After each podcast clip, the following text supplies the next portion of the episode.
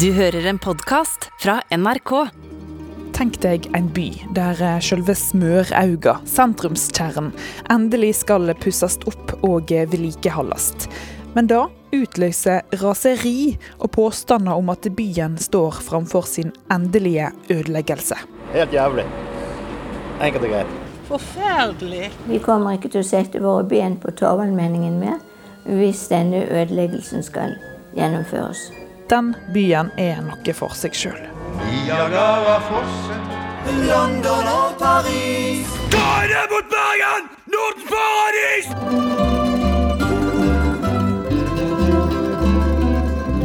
Jeg heter Elise Farestveit, og med meg har jeg historieprofessor Morten Hammerborg.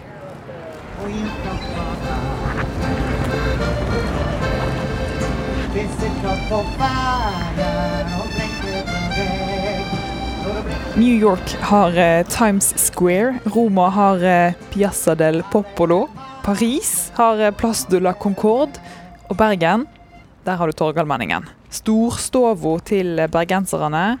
Et torg der bylivet kan utfolde seg, bergenserne kan møte hverandre, og ikke minst et symbol for Bergen. Og en så viktig plass har folk meninger om. På slutten av eh, 90-tallet så skulle Torgallmenningen eh, endelig pusses opp, Morten. Og det var på høy tid. Det var de aller, aller fleste om, enige om. Og Torgallmenningen, altså sånn som vi kjenner den i dag, har jo sin opprinnelse i eh, en av de største katastrofene i Bergens historie, nemlig bybrannen i 1916. Hvor egentlig alt fra da det vi kaller gågaten på Nordnes, gjennom det vi i dag kjenner som Strandgaten og Strandkaien og nye tinghus osv., og, så og hele Torgallmenningen og fram til Byparken, forsvant i brannen i 1916. Og kommunene tok seg heldigvis god tid.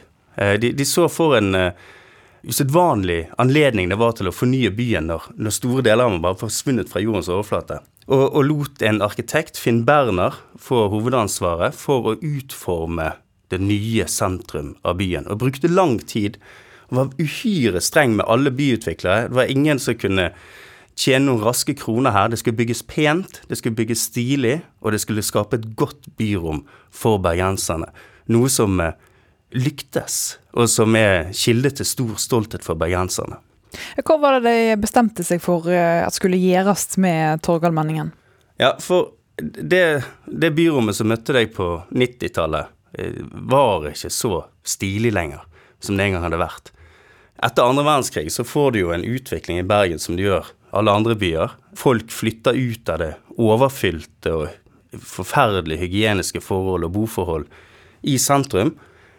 Man flytter til forstedene, delvis over i andre kommuner, og man får da det ene, den ene tingen som muliggjør dette nye, tilsynelatende perfekte forstadslivet, hvor du kan bo romslig, gjerne i grønne arealer, og beholde byjobben din, det er jo da bilen. Og biltrafikken inn til Bergen øker radikalt. Folk begynner å pendle istedenfor at de bor i nærheten av arbeidsstedet sitt. Og byen rett og slett drukner i trafikk. Og på den tiden kjører man jo også over Torgallmenningen.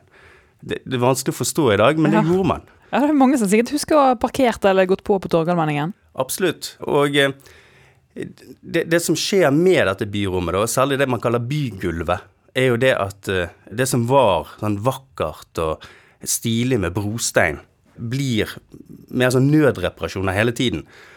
Så- det som møter deg etter hvert, er en slags sånn lappeteppe av gammel brostein, ujevn brostein og asfaltklatter. Så det er jo dette som man da tar sikte på å snu en negativ utvikling for Bergen sentrum, hvor Bergen kommune stiller seg i spissen for en enorm, et enormt prosjekt hvor nærmest hele bygulvet skal skiftes ut. Det er det som da begynner på 1980-tallet. Altså, det så eh, rett og slett eh, ikke ut. Det var på høy tid å pusse litt opp. Ja, eh, og kommunene prøver da som nevnt å å gjøre noe i et omfang som ingen andre norske kommuner har gjort før de. Så de bringer inn ingeniører, landskapsarkitekter og ikke minst kunstnere, hvor de da skal prøve å skape menneskevennlige, gode byrom hvor bilen må vike, og hvor man istedenfor skal få i særlig grad bruk av sånn skiferheller til det nye bygulvet. Og ideen var jo først å begynne egentlig med Torgallmenningen og torget, men alle skjønte at det å bli uhyre komplekst. Så man begynte med mindre steder, sånn som Tårnplass og Vågsalmenningen, som da ble opprustet på tidlig 90-tall. Og etter eh, mange års planlegging så lander man til slutt et eh, prosjekt i 1995. Gir oppgaven for Torgallmenningen til en gruppe som kaller seg Next to Nothing, og har knyttet til seg kunstneren Bård Breivik. Og i 1997 så kan de endelig presentere for bergenserne det som skal bli planene for den nye Torgallmenningen.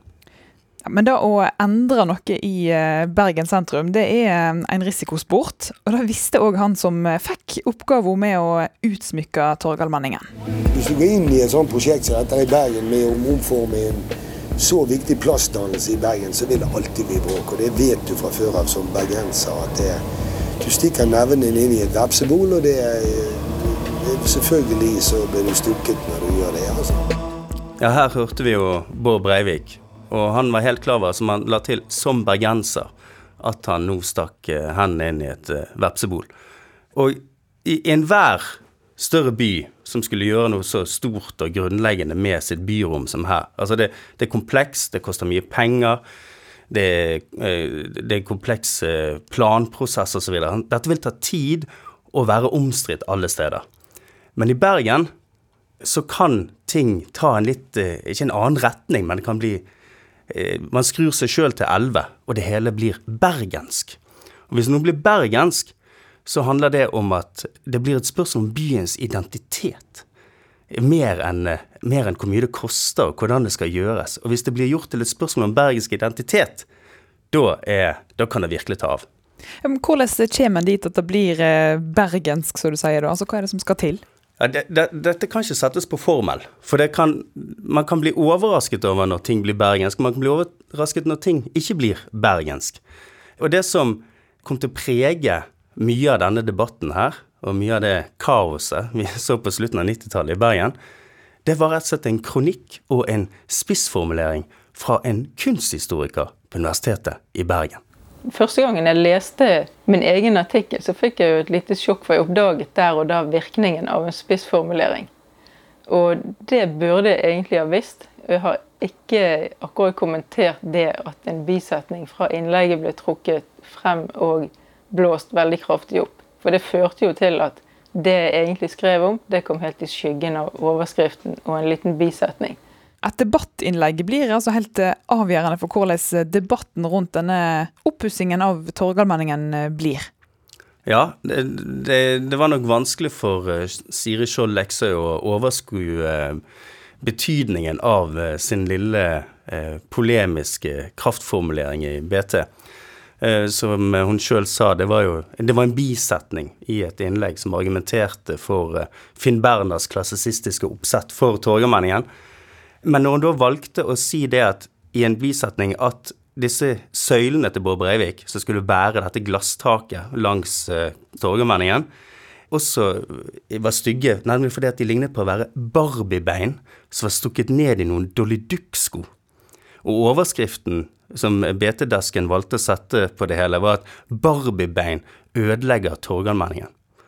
Og da ble det raskt i Bergen til at det hele prosjektet, som jo handlet om å ruste opp byen for å få den tilbake til fordomsprakt, bare ble omtalt som med forakt som barbiebein, og nå vil de der politikerne nok en gang ødelegge de siste restene av det virkelige, ekte Bergen.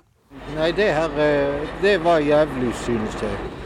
Eh, de ødelegger jo hele byens storstue med dette. her slik som uh, dette her er, så er jeg glad at jeg har god hukommelse, hvordan jeg vet hvordan Torvaldmenningen har sett ut. Ja, du vet vi er patrioter, vet du. ikke sant? Det forandrer på det som har vært. Så det her, det Jeg vet ikke, men det er bare vårt lynne, det der. Sant? Vi er så engasjert i byen vår. Ja. Jeg vet, og både tror og vet, at alle de, og det er storparten av bergenserne, som ikke ønsker denne plassen ødelagt, at de vil være ganske ulykkelige eh, hvis så skjer at søylene med dette eh, glasstaket kommer. Alle mine kunstnervenner Jeg kjenner flere som har sagt til meg vi kommer ikke til å sette våre ben på Torvaldmenningen mer hvis denne ødeleggelsen skal gjennomføres. Og jeg kommer heller ikke til å, å, å gå over tårnmennene. Det er voldsomme reaksjoner på eh, oppussingen av eh, byens kanskje viktigste plass. Men hva er det egentlig de reagerer på? Ja, det kan vi svare på på to måter, i hvert fall. For det at eh, realiteten i saken, det er jo da at denne internasjonalt anerkjente kunstneren Bård Breivik, som var født i Bergen, vokste opp i Bergen, han hentes nå hjem, så å si, og får oppdraget med å utsmykke byens viktigste rom. Og det han skal gjøre, det er da å få hugget ut noen enorme granittblokker i Skåne i Sverige. Så lastes de om bord på skip i, utenfor Sverige, og så seiles de til Kina.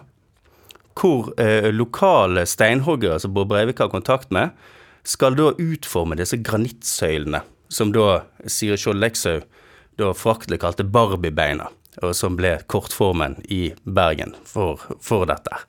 Så kommer disse eh, søylene seilende hit etter hvert, det er planen, og settes opp på Torgallmenningen for å støtte opp glasstak langs hele Torgallmenningen. Men det man jo reagerer på egentlig, det er jo da med en gang dette blir framstilt som at det er, en, det er et overgrep. Det er, en, det er en ødeleggelse av Bergens byrom. Så det er et angrep på Bergens sjel. Det er det man reagerer på. For det er nettopp det er blitt satt inn i en type fortelling om at det er det som faktisk foregår. Men altså tak i uh, regnbyen Bergen? Ja, det, det, er ikke grenser for hva man kan engasjere seg i i denne byen her. Det er en egen kultur i denne byen som, som, egentlig dreier seg om at folk er veldig glad i byen sin. Og det gjelder ikke bare innfødte bergensere. For det, det, når det kommer til stykket, så er det veldig mange innflyttere i denne byen. Men alle blir på en måte bergensentusiaster når de har bodd der en stund. Og sånn sett så syns jeg at det engasjementet som har vært for Torvaldmenningen på mange måter har vært veldig positivt. Folk bryr seg. I Bergen da møtes de på gatehjørnet og slår hverandre i huet med paraplyen og hisser seg opp over alt som skjer, og deltar på alt mulig. Da ser du over avisene og innringningsspalter og sånne høringer som blir lagt ut og sånn. Jeg syns det er veldig gøy jeg, at folk engasjerer seg så voldsomt. Men det er jo et helvete for de som skal bestemme, selvfølgelig. Men eh, sinte bergensere klarte ikke å stoppe disse planene her, for eh, de ble vedtatt. De ble gjennomført. Dette lot seg ikke stanse. I det avgjørende for sånne hendelser i Bergen, det er at det på forhånd finnes absolutte, totale vedtak og overbevisninger i de store partiene i bystyret. Altså det må være tverrpolitisk. Hvis det finnes en åpning, en kile inn, som kan utnyttes, i et sånt stemningsskifte, eller en sånn stemning som kan oppstå i disse bergenske affærene, så kan det kollapse. Men her hadde både Altså, alle partiene med unntak av SV og Frp, hvert sitt fløyparti, som mente at de 40 millionene kronene det ville koste, det skulle helst brukes på økte sosialhjelpssatser eller gamlehjem, eh, så sto alle fast på dette. Og de holdt, de holdt på det. Og eh, det hele ble gjennomført, og det sto klart til åpningen 17. mai 1999. Oi, Var det 17. mai òg? Selvfølgelig er det 17. mai.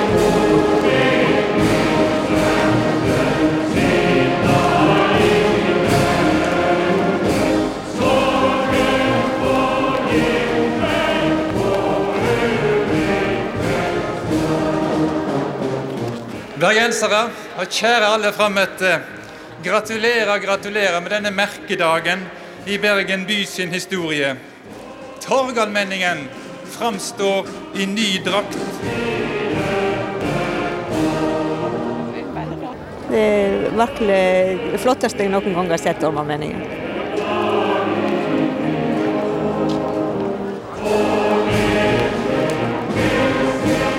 Jeg syns den er fin, men de der eh, som ikke vil ha tak over der borte, de burde skamme seg litt. Grann. Ja, men her, Nå høres det ut som uh, bergenserne har ombestemt seg totalt. Altså, Nå er det plutselig nydelig vakkert, dette her. Ja visst. Eh, bergenserne er, som det har hett i tekster, i hvert fall siden tidlig 1800-tall, et omskiftelig folkeferd. som raskt ombestemmer seg. Eh, og eh, dette er en typisk, eh, typisk hendelse i Bergen. Eh, man er intense motstandere av noe, av all endring av byrommet. Men i det øyeblikket endringen er gjennomført, så er det som om det alltid har vært sånn. Og da er det nye, det helt nye, er også blitt hellig og er urørlig. Og er nå det vakreste som finnes. For det finnes jo her, i verdens vakreste by. Eh, og eh, som vi også hørte her, nå, nå rettes raseriet mot de som var motstandere av Barbiebeina. Ja. Nemlig diverse høyesterettsadvokatkontorer i den ene gården på Torgallmenningen som hadde truet kommunen med enorme søksmål hvis de var så frekke å sette opp disse glasstakene inn til deres vegger. Og ordføreren rettet også sånn pekefinger på 17. mai og pekte mot gården, og hele folkemengden buet. Så de som hadde vært forkjemperne for det som var påstått å være den bergenske folkevilje, var nå blitt skurket i fortellingen. Det går fort unna her i Ja, det henger jo ikke helt på greip. Selvfølgelig henger det ikke på greip. Men så, men så oppstår det jo et litt eh, spesielt problem, da. Ja, søylene tåler ikke regn. Akkurat når bergenserne har vent seg til Barbiebeina, når de er blitt en del av byen, så skal de vekk. Alle 24 må skiftes ut fordi de slår sprekker. Nei, Jeg syns de er veldig flotte, og jeg syns plassen er veldig fint. Og den blir også veldig meget brukt. Så det er veldig skuffende det som er i ferd med å skje. da. Nei, du må få de opp med en annen type materiale. Make. Og de ble erstatta, disse søylene på Torgallmenningen. Ja, det tok bare ganske lang tid. De ble mer eller mindre fortløpende reparert, for det, ja, det er konstruksjonsfeil, de tålte ikke regn og alt dette her. Og når, eh, som vi har hørt nå flere uttale, nå er man stolt av disse, det må opp make, men Bård Breik var ikke interessert i det. Istedenfor så hadde han siden den gang begynt å jobbe med stål som materiale, eh, istedenfor granitt. Eh, Så derfor kom eh, han fram med denne ideen om stålsøyler til å erstatte granittsøylene, eller barbiebeina som de tidligere hadde foraktelig blitt kalt. Og så ble Bård Breivik syk, og eh, det ble rapportert i avisene mens han lå på sitt dødsleie om hvordan han gjorde ferdig de siste skissene. Og endelig, etter at Bård Breivik går bort i 2016, så i sommeren 2020 kan endelig de nye stålsøylene på Torgallmenningen avdekkes. Og denne gang uten bråk, men bare med glede. Der kommer.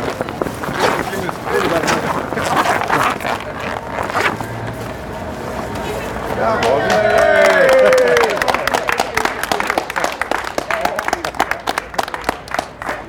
Dette hadde han ikke.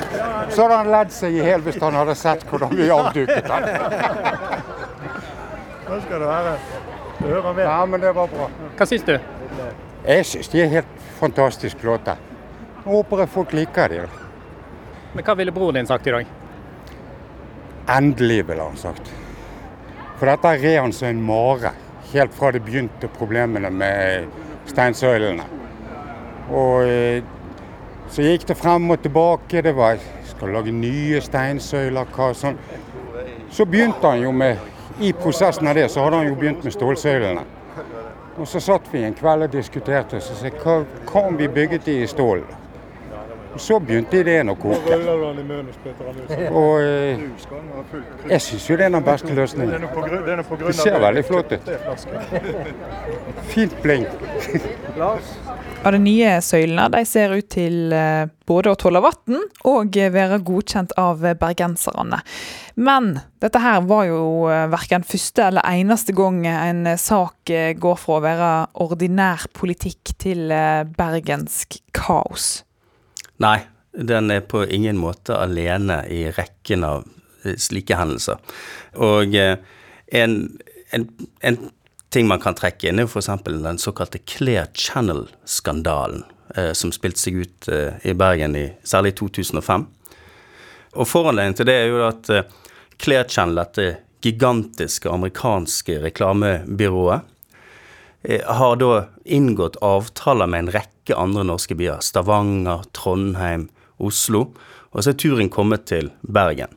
Og til å begynne med så ser det ut som om det også skal være en slags ordinær politisk saksbehandling, hvor Clear Channel skal eh, betale for bysykler og eh, busskur, den type infrastruktur, eller eh, i, i byrommet, mot at de får på en måte enerett for å ha reklame i samme byrommet. Ja, Da vil de tapetsere busser og eh, busskur og sånne plasser, bysykler, med reklame. Ja, sånn det er forferdelige montre som man ser i andre norske byer, men ikke her. Nei. Nei. Eh, Som også skulle settes opp rundt omkring. Man skulle, man skulle skjerme torget og Torgallmenningen og området langs eh, kunstmuseene langs Lille Långården. Men ellers så skulle liksom Clair Channel dominere byrommet med sin reklame. Og til gjengjeld så skulle de utskjelte busskurene eh, og den manglende finansieringen til bysykler osv., den skulle komme på plass. Og, og i løpet av Altså, allerede Arbeiderpartiet, rett før de gikk av i 2003, tok initiativ til den avtalen. Og så var det nye Høyre-Frp-byrådet under Monica Mæland, og med Herman Friele som borgermester, ikke ordfører, borgermester, som da skulle lande dette her i 2005. Men så ble det kjent i offentligheten, og da begynte det. Bergensrockerne demonstrerer mot reklamegiganten Clear Channel. I kveld arrangerer bl.a. Kings of Convenience og Karin Park en konsert for å få Bergen kommune til å si nei til reklame på busskur og bysykler.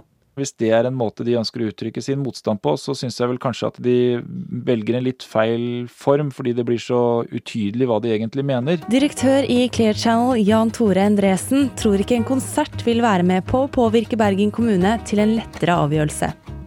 Trygve Svensson i interesseorganisasjonen Byen vår står bak engasjementet, og han er redd for at politikerne ikke forstår hva denne avtalen innebærer. Grunnen til at dette er en så viktig sak, det er fordi at det som nå står på spill, det er liksom det siste bastion. Det er det offentlige rommet. Det er de stedene der vi går på vei til og fra skole. Det er, det er liksom byrommene våre. Jeg har, jeg har ikke noe sånn prinsipielt imot reklame som sådan, men jeg mener vi må være veldig forsiktige for, på hvor vi tillater at den reklamen fins. Dette er jo argumenter som også har blitt brukt andre steder enn i Bergensfølget, i forhold til eh, hvilken plass i byrommet skal reklame ha. Eh, at det er allmenningen, det er der alle skal kunne møtes, at det ikke skal kommersialiseres.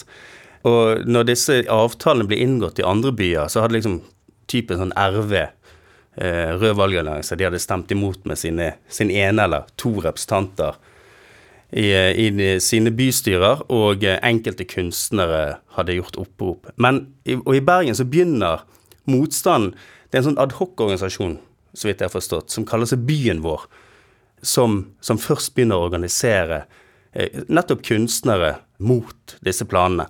Og det forsøkes avfeid av eh, jeg tror det er Herman Friele sjøl som sier det, at dette er sånn elitistiske eh, mennesker i sentrum som ikke har forståelse for byens behov. De er ikke bergensere engang. Blir forsøkt brukt mot dem, da.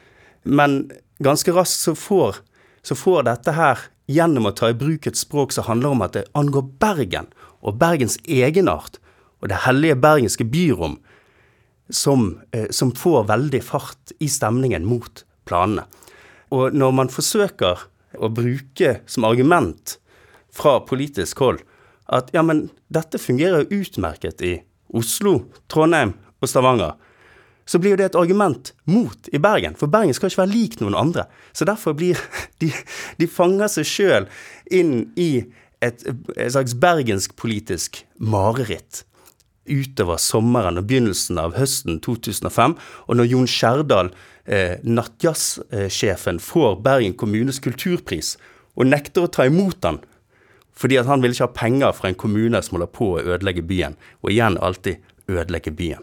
Nei, Den måtte jeg eh, rett og slett levere tilbake. for i Samme uke som den ble utdelt, så eh, skulle jo bystyret vedta en avtale med, Channel om uh, å selge byrommet til reklame. Det følger jo noen penger med denne prisen, og de sa jeg at de kunne bruke til, til nye busskur. Men politikerne, er alle sammen enige om at det skal bli reklame i Bergen? Nei, i motsetning til saken om, om Torgallmenningen, hvor man hadde sikret et solid politisk flertall eh, ved begynnelsen av eh, hele prosessen, så er det en, eh, det er en opposisjon i bystyret. Og det fremmes da i september 2005 et utsettelsesforslag av Arbeiderpartiet, som vil få støtte fra SV og RV i hvert fall. Og så skal på papiret det være flertall for å avvise utsettelsesforslaget og vedta hele avtalen i september 2005. Men så dukker det opp en joker i dette spillet. Ja, En bussjåfør får en helt avgjørende rolle her. Bussjåføren Kenneth Rasmussen, innvalgt for Fremskrittspartiet, men gikk ut av Fremskrittspartiet sin bystyregruppe og ble Demokratene sin eneste representant i bystyret. Han er mot byreklame. Problemet er det at vararepresentanten hans er jo en Fremskrittspartimedlem, som dermed ville ha sikret flertall for avtalen. Og Kenneth Rasmussen er på jobb og kjører buss i Bergen. Og han vet når voteringen skal foregå. Så 16.25 på ettermiddagen så parkerer han bussen, og som det står i en artikkel, lemper han høflig, men bestemt av passasjerene, hiver seg i sin egen bil, eh, parkerer ulovlig så det holder helt inn til bystyresalen i Bergen, sprinter inn og rekker voteringen med to minutter og sikrer flertall for utsettelse.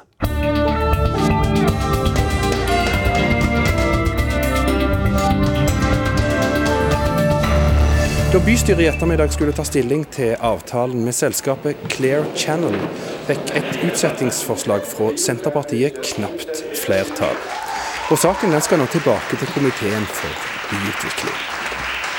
Veldig glad for at det ble det. Hvorfor det? Nei, jeg synes at Av hensyn til lokaldemokratiet så burde denne saken her kommet ut på høring. Uansett hva jeg mener om avtalen. For Det har vært et veldig engasjement, og det viser seg der at eh, folk har ikke fått sagt det de ville om saken. Når det nå den siste uken spesielt er kommet frem så mange eh, innvendinger mot selve avtalen, så må de bli hørt før vi konkluderer. Derfor valgte vi å utsette eh, spørsmålet i bystyret i dag. Og denne utsettelsen blir jo helt avgjørende. Ja, den blir det. Eh, For da blir saken utsatt til oktober, det er bare et par måneder. Men da får dette bergenske raseriet anledning til å utvikle seg eh, videre. Og eh, etter hvert så kan eh, avisene presentere meningsmålinger med et dundrende flertall mot avtalen. Og den ene etter den andre står fram og erklærer at dette faktisk er en trussel mot Bergens egenart. Og da, Det er annet et eh, allmøte på Folkets hus i regi av Arbeiderpartiet, hvor de er invitert inn partifeller fra Stavanger som kommer og forteller om de kjempegode erfaringene de har fra Stavanger. Hvor, hvor godt samarbeidet har fungert med denne reklamegiganten, og hvor eh, hensiktsmessig det har vært for kommuneøkonomien. Eh, det bues ut, eller forbigås i taushet, og så går folk på talerstolen og erklærer det at han ene erklærer det at hvis vi sier nei til denne avtalen, så får vi vår selvtillit og identitet som bergensere tilbake. Intet mindre. Og I tillegg til dette her så gjør jo Clear Channel en kjempetabbe.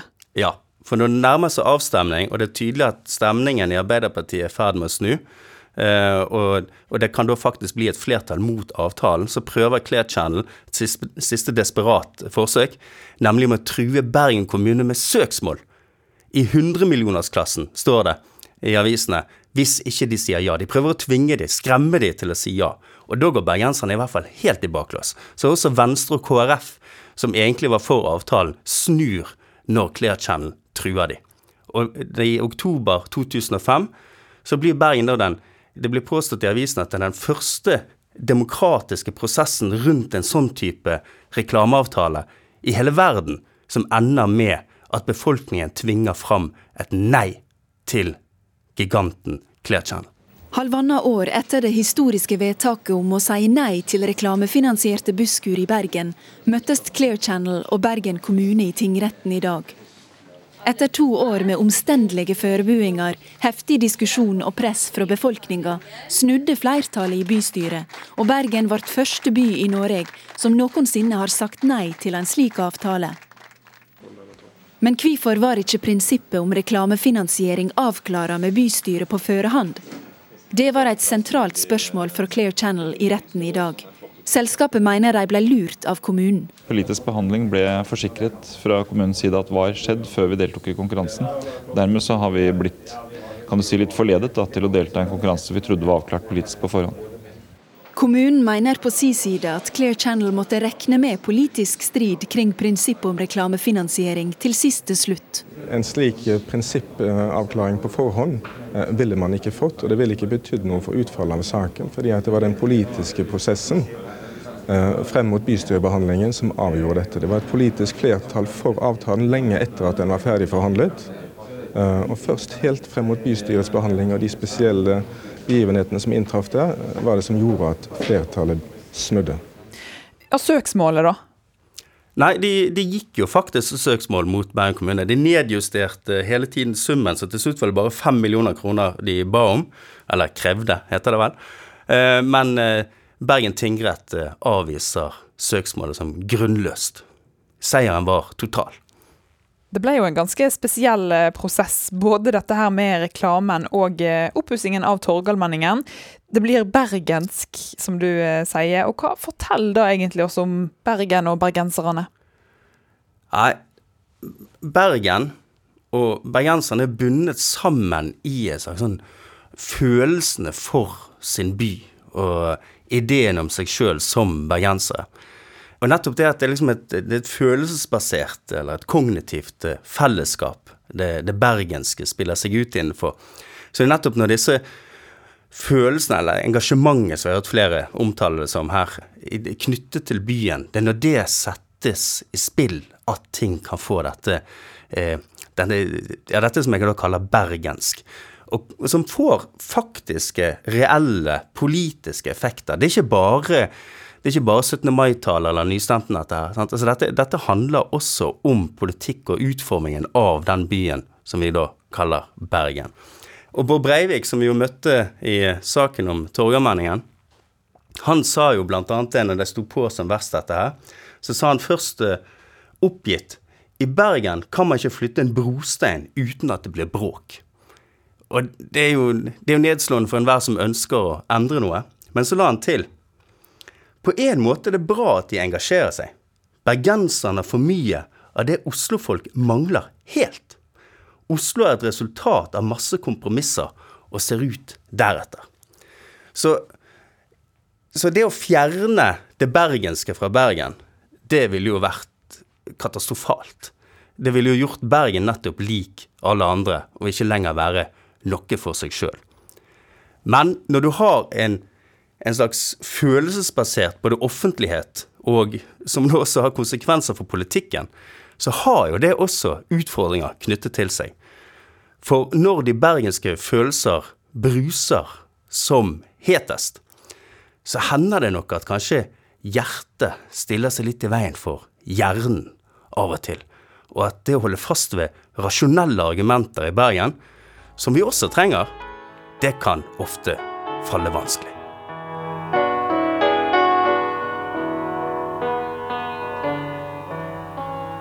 Denne podkasten er laga av Morten Hammerborg, professor i historie på Høgskolen på Vestlandet, og meg, Elise Farestveit. Redaktør i NRK Vestland er Dyveke Buanes.